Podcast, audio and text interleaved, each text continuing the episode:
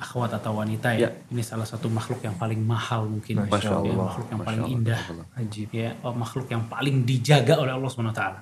Bismillah, Drabanian Stars.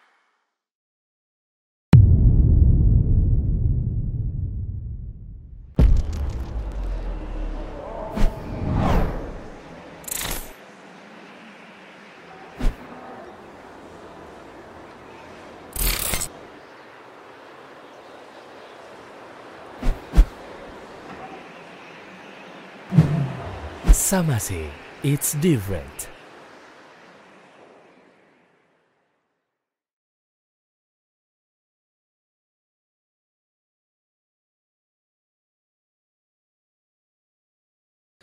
Bismillah. Assalamualaikum warahmatullahi wabarakatuh. Alhamdulillah wassalatu wassalamu ala rasulillah wa ala alihi wa ajmain amma ba'd. Brothers and sisters, Alhamdulillah kembali kita berjumpa di sebuah program obrolan ringan penuh ilmu dan faidah menarik yang asyik bersama guru kita dalam program Drabania Stock. Masya Allah. Alhamdulillah kembali saya didampingi oleh sahabat saya. Kang Reda sehat Kang?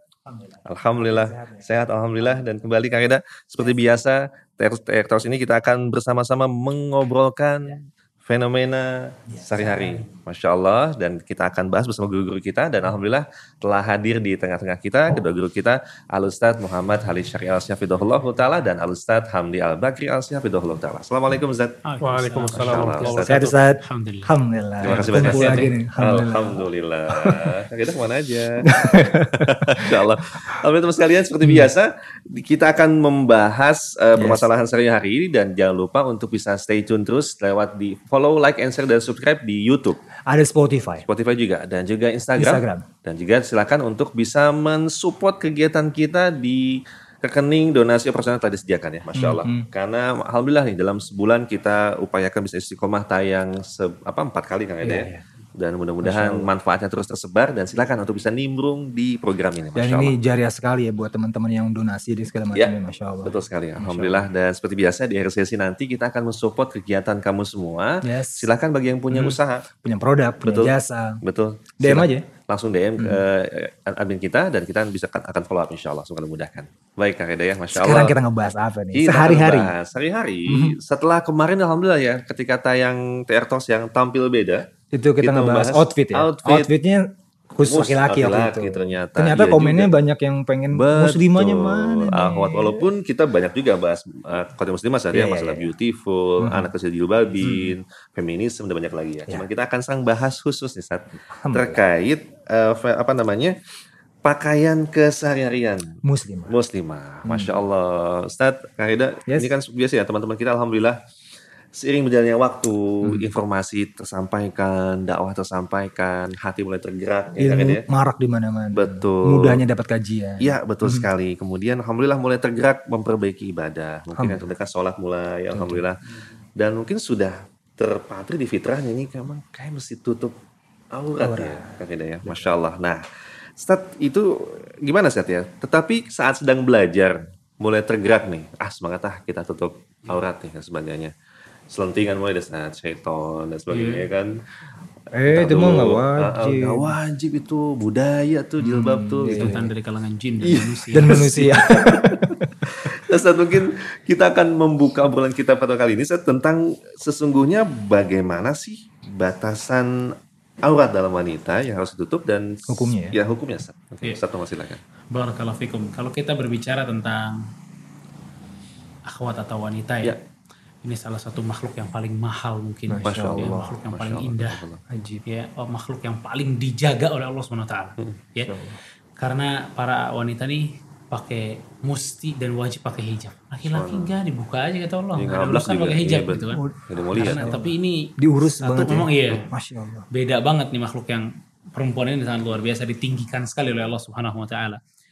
Dan kalau kita berbicara tentang menutup aurat ya untuk seorang wanita, maka ini nggak ada khilaf di antara para ahlus sunnah wal jamaah para ulama bahwa hal itu ittifaq wajib. Wajib. Nggak ada yang ngomongin ini budaya, nggak budaya, maafi. Ya. Karena ayat-ayat seperti dalam surat Al-Ahzab ayat 59, surat An-Nur ayat 31 itu semuanya menjelaskan tentang wajibnya memakai hijab untuk seorang wanita. Allah Subhanahu wa taala berfirman, "Ya ayuhan nabi, قل لأزواجك وبناتك ونساء المؤمنين يدنين عليهن من جلابيبهن ذلك أدنى أن يعرفن فلا يؤذين وكان الله غفورا رحيما Wahai Nabi, katakanlah kepada istrimu, anak-anak perempuanmu, dan istri orang-orang mukmin. Jadi setiap yang mukmin itu dipanggil gitu loh. Orang muslimah ini dipanggil semua. Apa panggilan ini? Hendaklah mereka mengulurkan jilbabnya ke seluruh tubuh mereka. Ya, jadi mesti pakai jilbab. Yang demikian itu supaya mereka lebih mudah untuk dikenal karena itu mereka tidak akan diganggu. Ya. Ini ayat pertama dalam mewajibkan hijab atau jilbab ini. Ya. Ayat yang lain dalam surat An-Nur ya di mana Allah Subhanahu wa taala mengatakan wa qul lil mu'minat dan katakanlah kepada orang-orang wanita-wanita mukminat yaghdudna min absarihinna wa yahfazna furujahun jaga pandangan mereka dan jagalah kehormatan mereka wala yubdina zinatahunna illa ma dhahara minha dan janganlah mereka itu memperlihatkan ya atau menampakkan perhiasannya kecuali yang biasa nampak daripadanya dan hendaklah mereka menutup kain kudung mereka ke dada-dada mereka dan janganlah menampakkan perhiasan kecuali kepada suami mereka, ayah mereka, mertua mereka dan yang lainnya. Itu dalam surat An-Nur. Ini dua ayat sebenarnya yang menunjukkan kepada kita betul-betul bahwa ini syariat Islam, bukan budaya dan ini wajib untuk setiap muslimah. Tanpa ada terkecuali. Setiap muslimah wajib, ya. Dalam sebuah hadis juga Rasulullah SAW ditanya sama seorang wanita di waktu lebaran ya, disuruh keluar semua perempuan sama Rasul. Ya kan? Suruh datang ke tempat Id itu kan. Salah seorang wanita mengatakan, "Ya Rasulullah, ihdana laisa laha jilbab." Salah salah satu di antara kami itu nggak punya jilbab ya Rasulullah. Ya mungkin jilbabnya nggak tahu apa ya dicuci kek atau yang lain ya. Kata Rasulullah SAW, litulbisha sahibatuha min jilbabiha. Pinjemin jilbabnya. Maksudnya ini nggak ada uzur. Terus nggak pakai jilbab gitu keluar? Enggak, pakai jilbab pinjemin. Ya, maka ini dalil-dalil yang menunjukkan bahwa jilbab itu nggak ada ikhtilaf di antara para ulama bahwa jilbab itu nggak wajib untuk seorang wanita muslimah. Ya, apalagi yang udah balik maksudnya. Ya. Kalau yang anak kecil iya, Ya, nggak wajib ya. Masya Tapi Allah. kalau yang udah balik, udah mereka wajib untuk memakai jilbab. Jadi Masya nggak ada Allah. sahabat yang mengatakan itu budaya nggak ada. Maafi. Hatta ulama juga gak ada kali Allah. kalau ulama su mungkin. Allahu Akbar. baik baik. Tadi tadi dikatakan berarti ini wajib untuk muslimah. Sekarang usianya nih, wajib muslimah ini batas usianya bagaimana nih Ustaz Hamdi? Ketika dia balik, Balik. Ya, berarti tidak ada eh, ukuran berapa belas tahun enggak ya? ketika dia balik maka dia diwajibkan untuk pakai ya, hijab sebagaimana yang dijelaskan tadi oleh Ustaz Muhammad. Dan ini berlaku bukan hanya dalam masalah hijab, tapi dalam seluruh kewajiban-kewajiban agama. Ya para ulama menyebutkan sebuah hadis yang dijadikan dalil tentang hal ini. Kata Nabi Shallallahu alaihi wasallam, "Rufi al-qalamu an thalathah." Anis sabi hatta yablugh wa anin naimi hatta yastayqidh wa anil ma'tuhi hatta yabra. Pena catatan amal diangkat untuk tiga golongan. Yang pertama anak kecil sampai dia balik, kemudian orang yang tidur sampai dia bangun, dan orang yang gila sampai dia sembuh dari gilanya. Sehingga maksudnya adalah Nabi SAW di sini menyebutkan bahwa di antara orang-orang yang diangkat pena tidak dicatat, ya eh, apa namanya amal buruk mereka adalah anak yang masih kecil sampai dia balik. Jadi kalau sudah balik wajib untuk pakai hijab. Dan para ulama juga menyebutkan bahwa ciri dari anak yang sudah balik itu ada empat. Yang pertama adalah al-ihtilam, mimpi basah. Yang kedua, tumbuhnya bulu kemaluan. Yang ketiga, ketika sudah berumur 15 tahun. Dan yang keempat adalah haid. Dan ini khusus untuk wanita. Sehingga mana pun dari sat- satu di antara empat tanda ini muncul, maka dia dikatakan sudah balik. Seperti itu. Masya Allah. Masya Allah. Berarti dari empat 15, itu ya. Kalau iya, misalkan eh, tidak tidak mimpi, tidak tapi udah 15 itu udah Udah 15 15 berarti tahun. sudah balik. Ya. 15 tahun. Ya, jadi walaupun haidnya misal nih, ada wanita yang haid berapa? 10 tahun misalnya, Hmm, 11 tahun, maka Sudah. dia sudah balik. Balik. Walaupun Ya, ciri-ciri yang lainnya belum muncul. Gitu. 15 tahun kelas berapa tuh? SMP 15 sekarang ya. SMP. SMP. Kalau sekarang SD kayaknya udah mulai haid ya. Udah. Hmm. Anak kita 89 udah kaget. Sa. Udah ya. Baik itu kan berarti eh, muslimah yang wajib itu ya, Ya, ya betul. yang sudah balik. Hmm. Nah batas-batasnya nih saat kan banyak kan kita ketahui itu wanita tuh batasannya hmm, yang kita ketahui paling muka gitu ya. Terus Iya. tangan. atau Atau bahkan secara umum Atau- taunya nutup aurat tuh rambut doang, Sa. oh iya ya kan? Eh, Malah kadang-kadang udah udah rapi keluar jempolnya ke mana-mana, Iya. jempol kakinya ke mana-mana. Kan doang. Nah, Mana itu? emang jempol nggak boleh? Kelihatan. Nah, gitu. Mungkin Ustaz bisa diceritakan ya? Ah, iya, iya. batasannya. Batasan aurat. Yes. Nabi SAW mengatakan al-mar'atu aurah. Wanita adalah aurat. Wanita adalah wanita. Ya, kemudian di dalam hadis lain Nabi SAW menjelaskan ya, batasan secara spesifik mana yang boleh dibuka dan mana yang tidak boleh dibuka. Jadi kalau hadis yang pertama itu hadisnya secara umum. Ya. Ya, Nabi SAW mengatakan bahwa wanita itu aurat. Ini menunjukkan bahwa wanita itu nggak sama seperti laki-laki. Ya, bahwa wanita itu berbeda ya dalam segi apa namanya tampilannya yang boleh diperlihatkan, yang tidak boleh. Memang ada lebih lebih banyak hukum ya yang terjatuh kepada wanita daripada laki-laki dalam urusan seperti ini. Nah, kemudian eh, suatu hari ya dalam hadis yang sahih diriwayatkan oleh Imam Abu Dawud, Al Baihaqi dan yang lainnya bahwa Nabi Shallallahu Alaihi Wasallam pernah menegur Asma binti Abi Bakar bahwa Asma datang ke rumah Nabi Shallallahu Alaihi Wasallam dalam keadaan mengenakan busana yang agak tipis. Ya. Maka Nabi pun SAW mengatakan kepadanya, ya Asma, innal mar'ata idza balagatil mahid lam yasluh an yura minha illa hadha wa hadha. Wahai Asma, sesungguhnya wanita jika sudah haid, maka tidak boleh ada yang terlihat dari badannya, tubuhnya, kecuali hadha wa hadha. Kecuali ini dan ini. Nabi me- me- mengisyaratkan kepada wajah Wajah, dan kedua tangan. Kedua tangan. Kedua telapak tangan. Dua telapak tangan. Ya, sehingga um, aurat wanita adalah seluruh tubuhnya, kecuali bagian wajah Mhm. dan kedua telapak tangan dan punggung tangannya. Hmm. Ya, jadi uh, ini adalah hadis yang menjelaskan tentang batasan aurat wanita. Menarik nih tadi ya, Punggung boleh punggung berarti ya? berarti, berarti telapak dan punggungnya. Kadang banyak orang juga mengartikan telapak tangan ya udah letterlek telapak tangan ininya masuk. Oh, cuma bagian Iya. telapak tangannya aja. Hmm. Memang dalam bahasa Arab itu ada yang disebut dengan al-kaf. Al-kaf. Al-kaf itu sering diterjemahkan dengan telapak tangan. Telapak tangan. Ya kan, tapi kalau kita melihat di eh, apa namanya penjelasan syariat hadis-hadis Nabi SAW, maka maksud dari al-kaf bukan cuma telapak tangan, akan tapi masuk di sana apa punggung Punggungnya. tangan. Ya contohnya ketika kita diperintahkan untuk berwudu, sebelum mulai berwudu, Hmm. Iya, iya, iya. kita diperintahkan untuk Mencuci tangan. mencuci tangan. Ya, para ulama menyebutkan ya ghuslul kaffain, mencuci kaf. Di sini lagi-lagi Nabi SAW menyebutkan kaf, ya kan? Dan kaf di situ ketika dicuci apa maksudnya? Apakah cuma Oh iya iya. ininya saja? Semua ya, sama. Ya, semuanya. Yes. Sehingga itu maksudnya tangan, Ah, Ya. Masya Allah. Telapak tangan dan punggungnya. Uh, jelas nih. Masya Allah. itu. Alhamdulillah. Dan tadi Jadi tadi ya, afwan jempol nggak boleh kelihatan Jempol kaki ya. Gua jem- Semua. jempol jempol kaki ya. ya. Jempol tangan secara spesifik semuanya harus tutup. tutup. Ya. Ada yang demen sama jempol. Itu tuh. Jempol ya. kaki. Ada sih. Ada, ada, ada. Ada.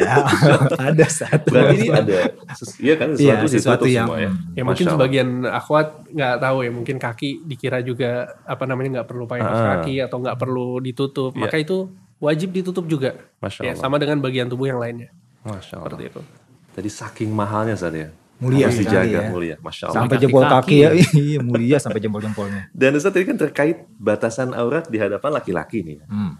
Nah kan laki-laki banyak nih ya. Banyak Mungkin kita akan coba urutkan dari ring 1, ring 2, Iya, yang terdekat dulu ya. Ring terdekat dulu Ustaz. Batasan aurat seorang perempuan di hadapan suaminya Ustaz. Iya. di depan suaminya. Dan aurat wanita di hadapan suaminya. Iya Ustaz. Ha- masalah ini dijelaskan oleh Allah Subhanahu wa taala dalam surat An-Nur. Di ayat 31. Anu 31. Allah Subhanahu wa taala berfirman wala yubdina zinatahunna illa li bu'ulatihin kata Allah. Nggak boleh seorang wanita itu menampakkan perhiasan mereka kecuali di hadapan suami mereka, orang tua mereka dan seterusnya nanti. Di sini Allah Subhanahu wa taala mengatakan bahwa berarti seorang wanita tuh boleh menampakkan perhiasannya di depan suaminya. Tapi nggak cuma sampai di sini kalau urusan sama suami. Para ulama mengatakan ya Ibnu Katsir dan yang lainnya suami ini boleh melihat istrinya lebih dari bagian perhiasannya aja. Perhiasan itu maksudnya bagian anting, Anting, bagian kalung, kalung. bagian tangan. Semuanya boleh. Baskun. Semuanya boleh. Bahkan bukan hanya memandang saja. Ya. Boleh mendatanginya, boleh menyentuhnya, boleh. Suami. Maka dari sini kita tahu tidak ada aurat yang perlu dijaga kalau di hadapan Tanpa suami. batas. Masya Allah. Dia Masya Allah. kan ada tuh, dia waktu itu Sandi cerita ada akhwat ya, akhwat ya. Yang dia sama suaminya aja masih jaga auratnya gitu, nggak mau dilepas ini enggak enggak gitu. Dalam Islam bebas, suami dan istri itu bebas. Iya, Jadi dia saking mau ngejaga kehormatannya gitu. betul. Hmm. Dia merasa bahwa ini termasuk dari bagian menjaga diri. Tapi enggak ya Ustaz ya. Nggak, nggak, nggak bisa. Kalau Nggak. buat suami, tafadhol. Iya, makanya kan Allah Semuanya SWT mengatakan juga dalam surat Ma'arij ya. Betul. Pengantin baru selimutan. Hah? Iya, Ustaz. Jaga, Ustaz. Hati Oh. malunya. Udah kan bebas. Pengalaman. Ih, ya. Makanya eh, Allah SWT mengatakan dalam surat Ma'arij ya, "Walladzina hum li furujihim hafizun illa ala azwajihim aw ma malakat aymanuhum fa innahum ghairu malumin."